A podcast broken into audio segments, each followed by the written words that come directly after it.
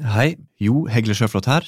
Jeg ville bare si at i lengsel og ikke-viten kan all tro møtes. Ett språk, én lengsel, men ulik adressat. Areopagos ønsker velkommen til flerreligiøs bønn i Jakobkirka 12. mars, 9. april og 14. mai klokka sju. Se mer info på areopagos.no.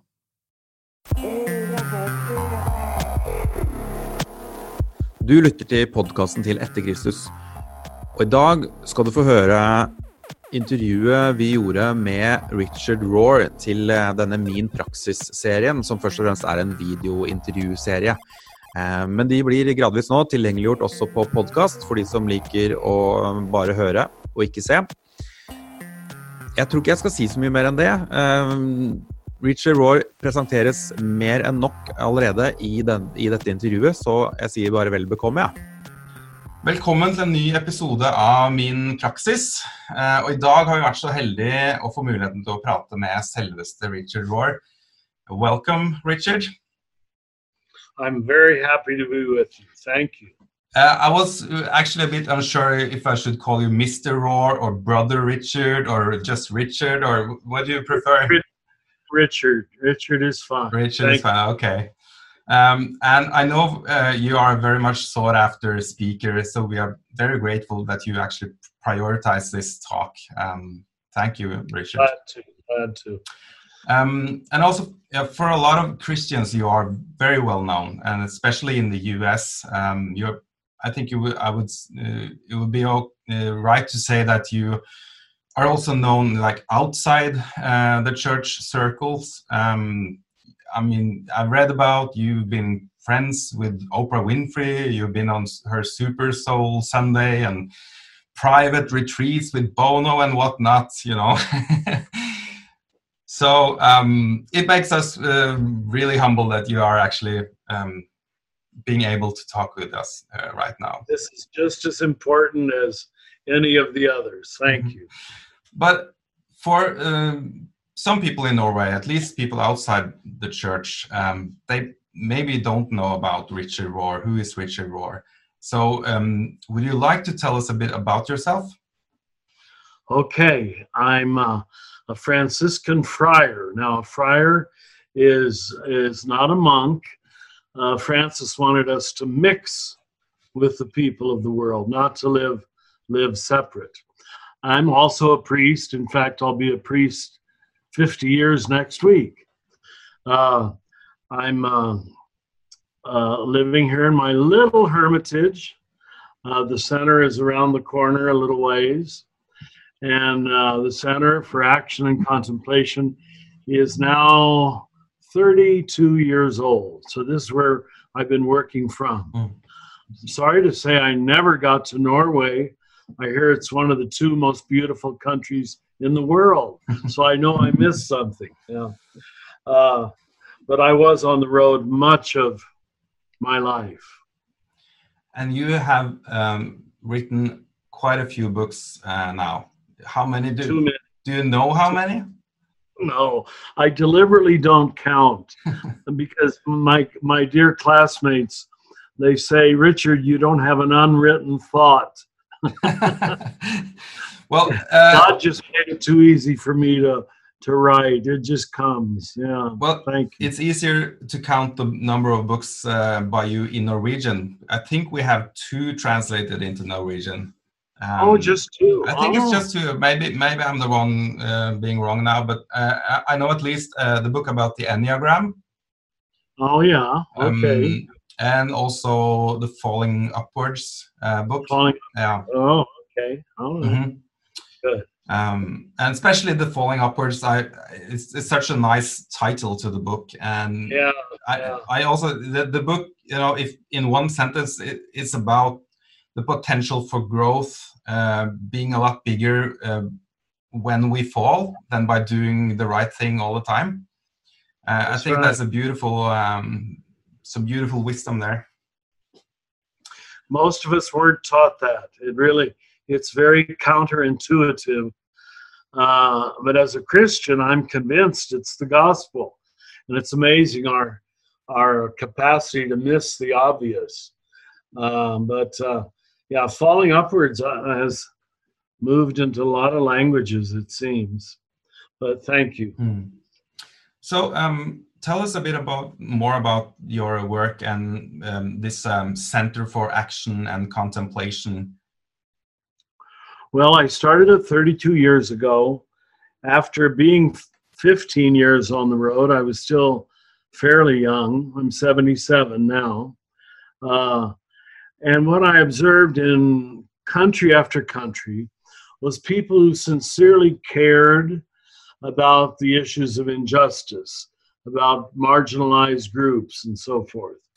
Uh, but as much as they cared, their energy, their motivation often was was so immature. I don't know what other word to use.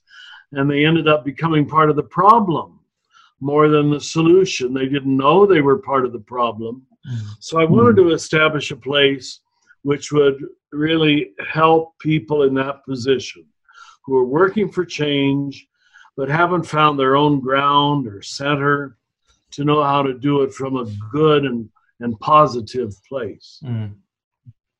I also read uh, on your homepage um, that the main question for you is how can we turn information into transformation?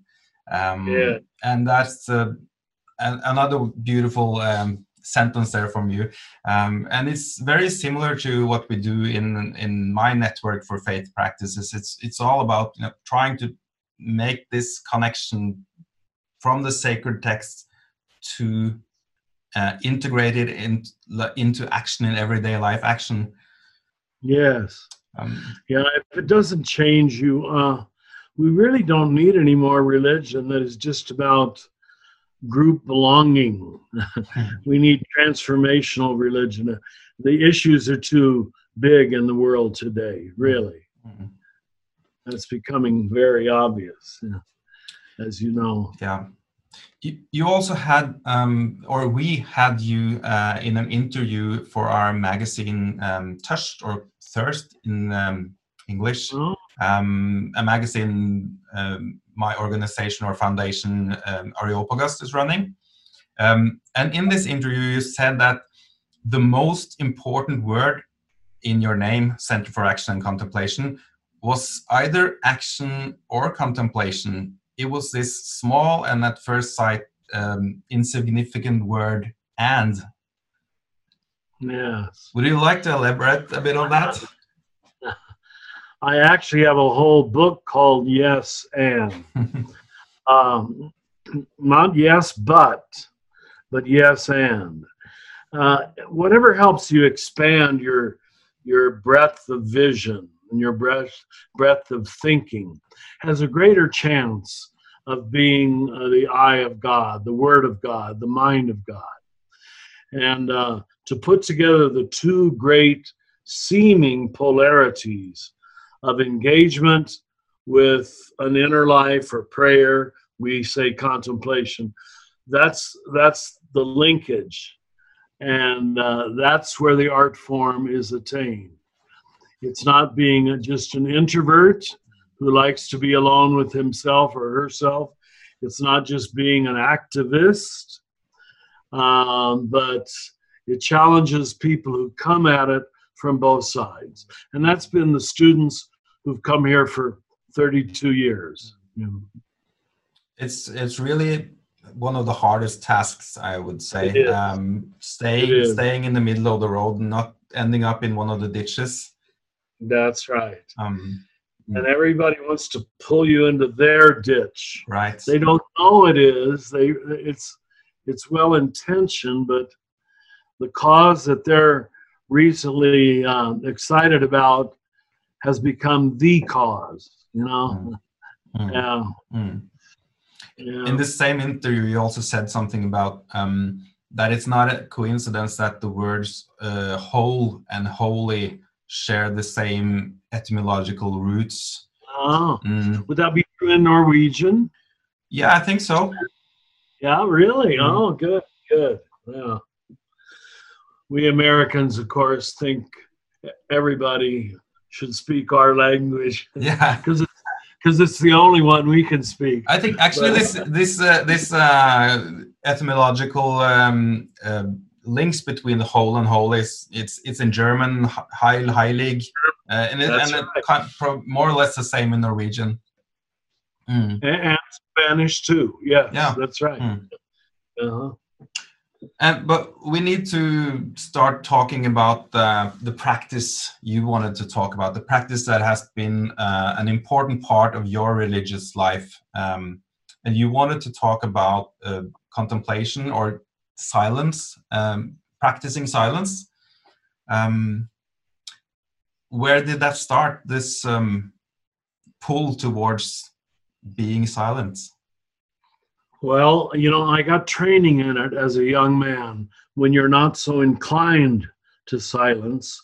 As a Franciscan novice, we uh, I was only 19. I came very young, probably too young. Mm. But we would have whole days of required silence. Uh, but I did learn how to be comfortable with it, and it stopped being a scary thing.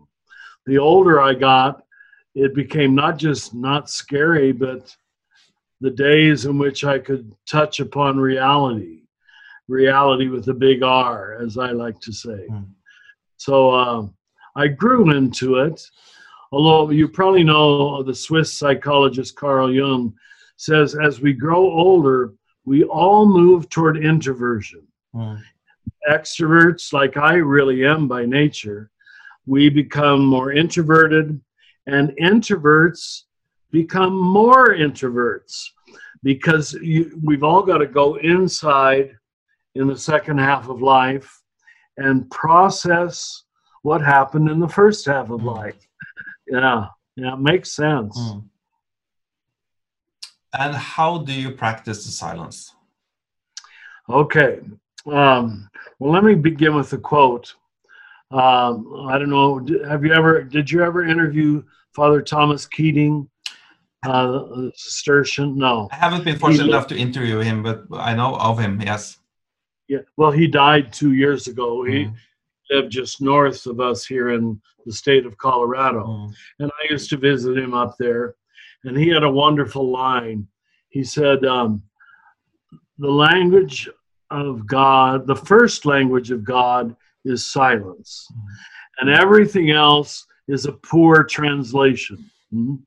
And it really makes the point very well, because only silence is deep enough and broad enough and spacious enough to allow everything, even the oppositional voices, even the shadow self, even the accusing voices. You, you've got room there not to reject them, but to, okay, let that voice come in, let that lesson come in. Mm. It- it's healthy silence is is not hiding from reality but is allowing full reality now probably you have to learn how to do that probably it gets easier like uh, now at my age it's it's rather easy but it wasn't easy when i was young my first Mhm. hermitage we we that's part of our franciscan life in lent we very often spent the entire time at least the medieval Mm. franciscans did uh, in silence so i did that many times but the first time full 40 days was when i was 43 Mm. and I, I think you've got to be that old to um, to have the courage to face yourself Mm. Mm. that long. Uh, I, uh, you don't look like you're 43 yet, but Oh, I'm 44. oh, are you?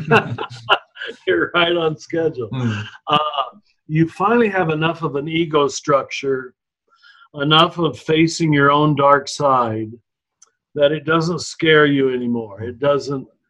It isn't something you have to repress. Mm. So um, then, once you you allow the the unconscious to unpackage itself, that's what's really happening. Um, it becomes a delight because you learn so much from it.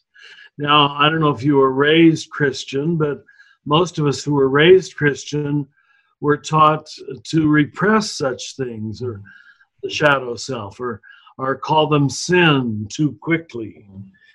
And so that's what made us afraid of silence. Mm. Because what shows itself in silence, I saw it myself this week, a couple days ago, and I said to myself, Richard, you're not very loving in your mind. Why did you think that very petty, negative thought about this person? You know, those are the things I see in silence. Um, and uh, until you're ready to face that, normally you won't go there. You'll just keep, as Americans do, uh, trying to live in Disneyland or endless entertainment or Mhm. rock concerts or not that those are wrong, Mm. but when they're constant, they keep you very immature. Mm. I don't know if this translated into English, but um, the story about the prodigal son, is, it says that uh, he came to himself. Yes. Um, uh-huh. so, so the thing is, I think uh, that I believe that God is here, close to my heart, always, no matter what I feel or think or have done or not done. But um, so good. God is here, but uh, I tend not to be here. I tend, I tend to be everywhere else. And That's right. Yes. Go ahead. Yeah. Me too. Mhm. all of it.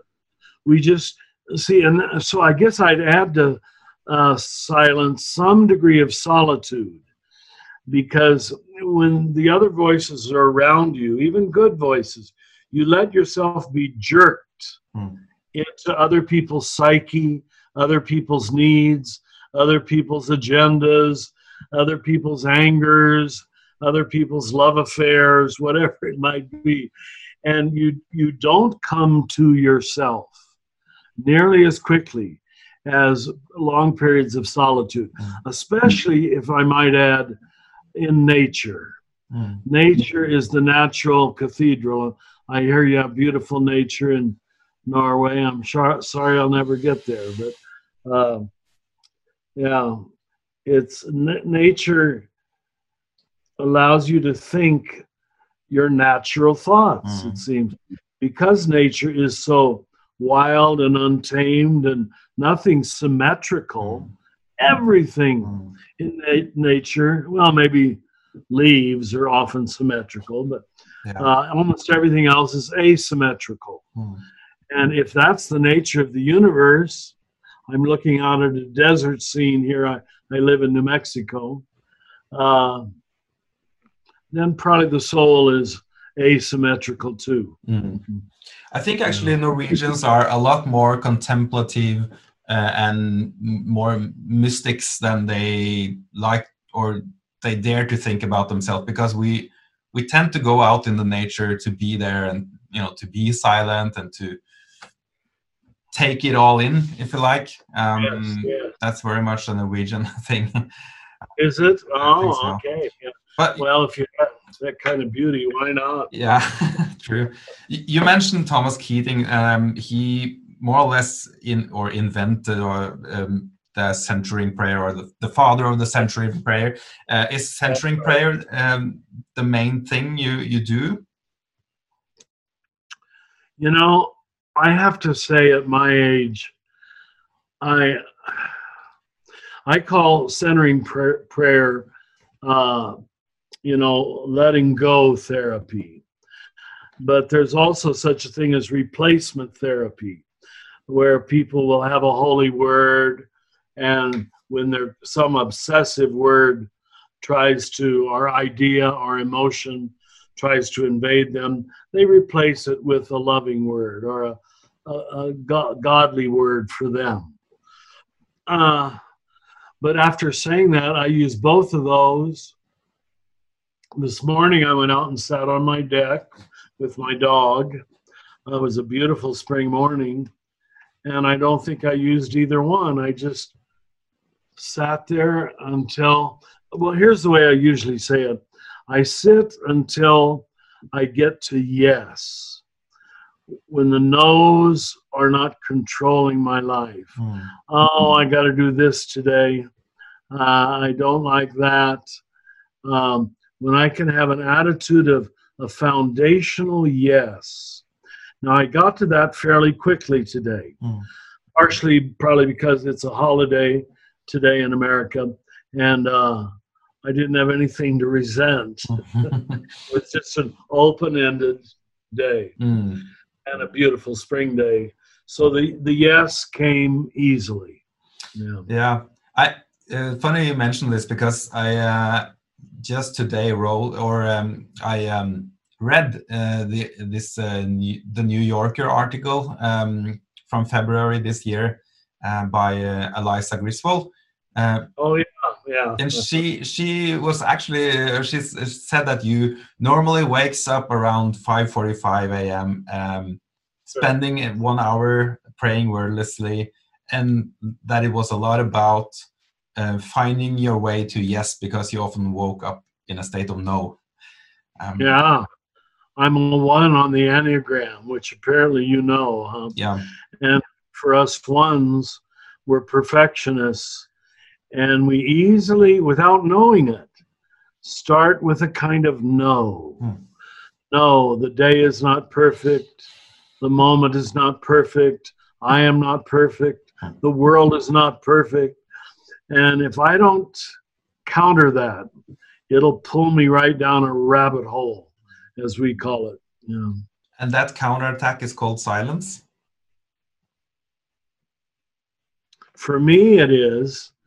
Yeah. Uh, but it's uh, by that, you know, I mean interior silence. Right. That the, the arguing, the debating, the judging, the labeling has to stop in my head. Mm.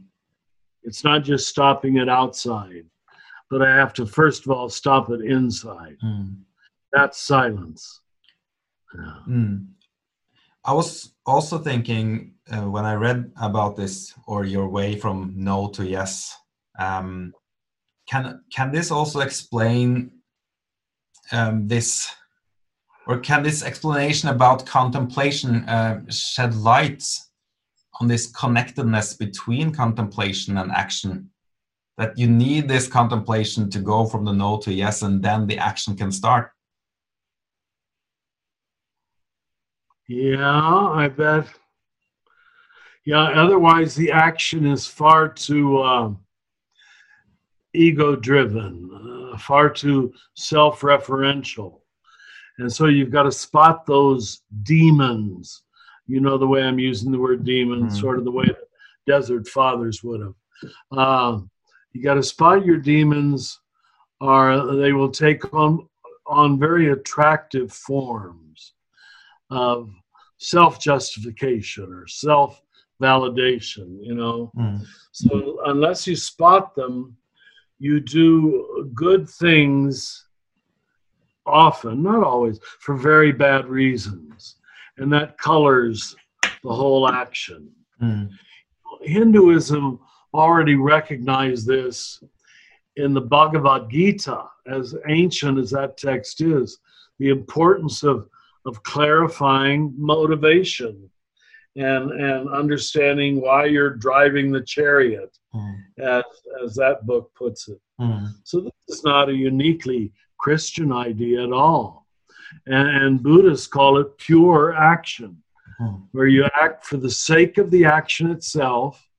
It's not reaction to someone else or against someone else, but just acting for the sake of the truth of the moment. Mm. And when when do you face or meet your some of your inner demons, um, what, you do then? I mean, uh, what I'm trying to um, get to is um, being in silent uh, all by yourself. Can that be a, a destructive thing if you don't have people around you to help you when you really face one of your inner demons? I think you're making a very good point. Uh, it's stronger when you're younger, just because you haven't learned yet.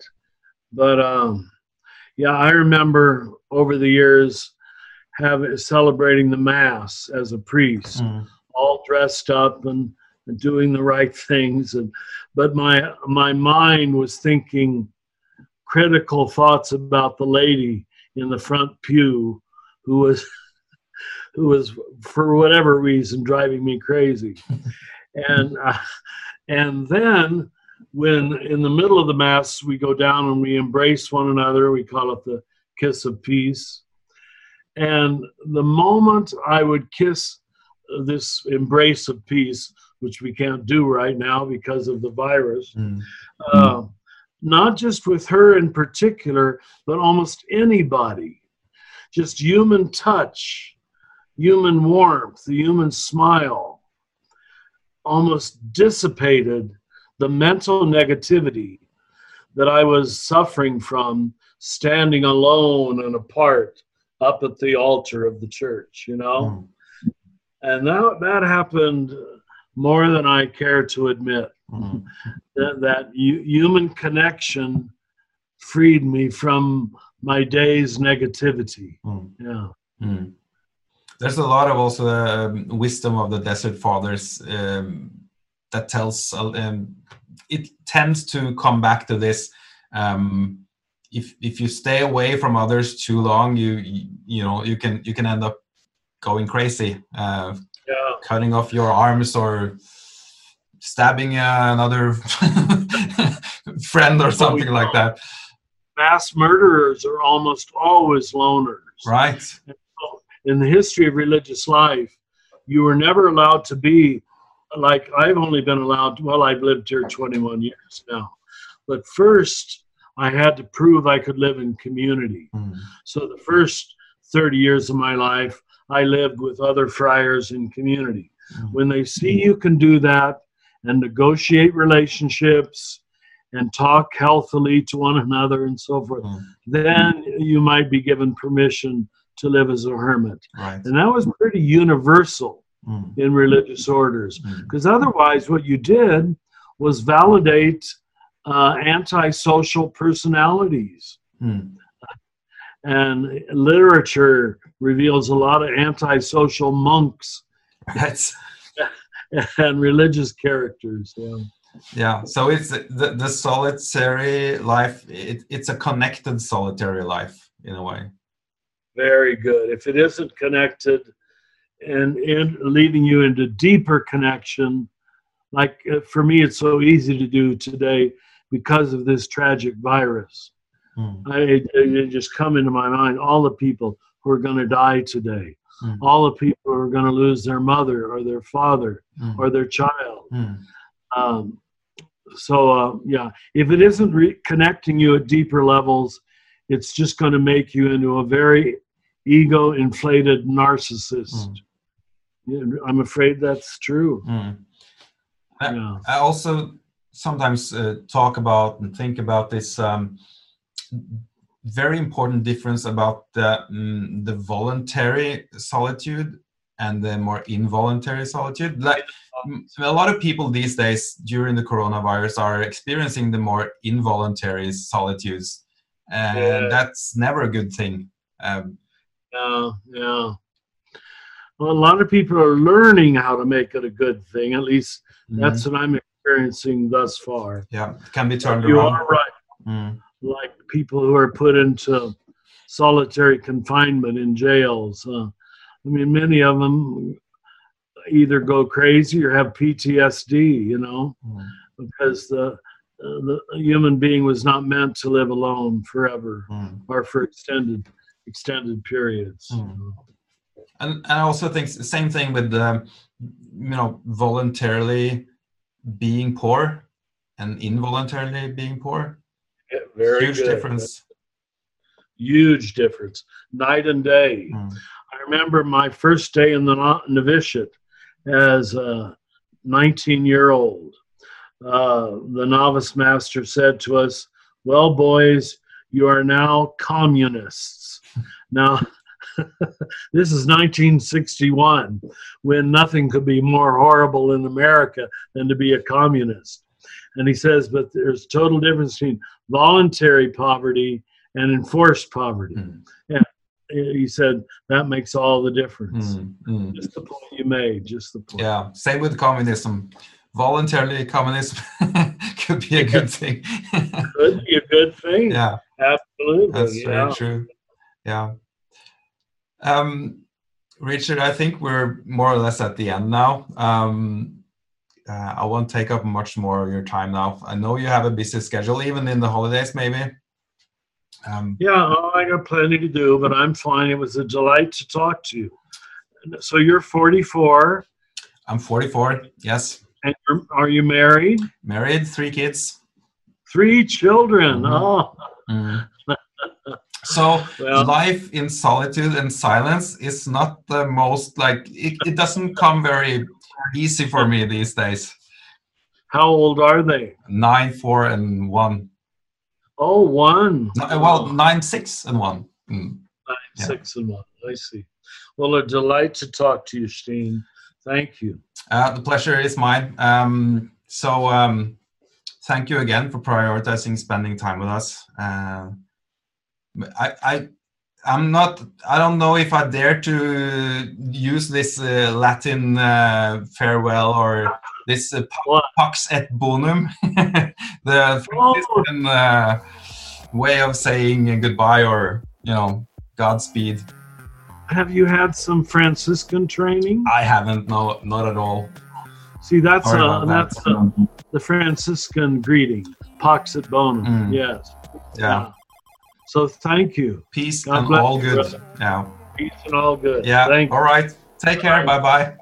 Delight to talk with you. Du har lytta til en Etter Kristus-podkast-episode. Jeg heter Stian Kilde Aarebrot og leder arbeidet til Etter Kristus. Vi holder på med Jesus-studio, Operatio Divina og mye annet. Eh, Stikk innom eh, etterkristus.no eller Facebook-sida vår, så finner du mer ut av alt det. Etter Kristus er en del av Areopagos, som holder på med religiøsitet, spiritualitet, trosfordypning, trospraksis osv. osv. Ikke minst religionsdialog. Eh, sjekk ut sida til areopagos.no og finn mer ut om eh, hva vi gjør der også. Musikken du har hørt på, er Doidank. Ha det bra.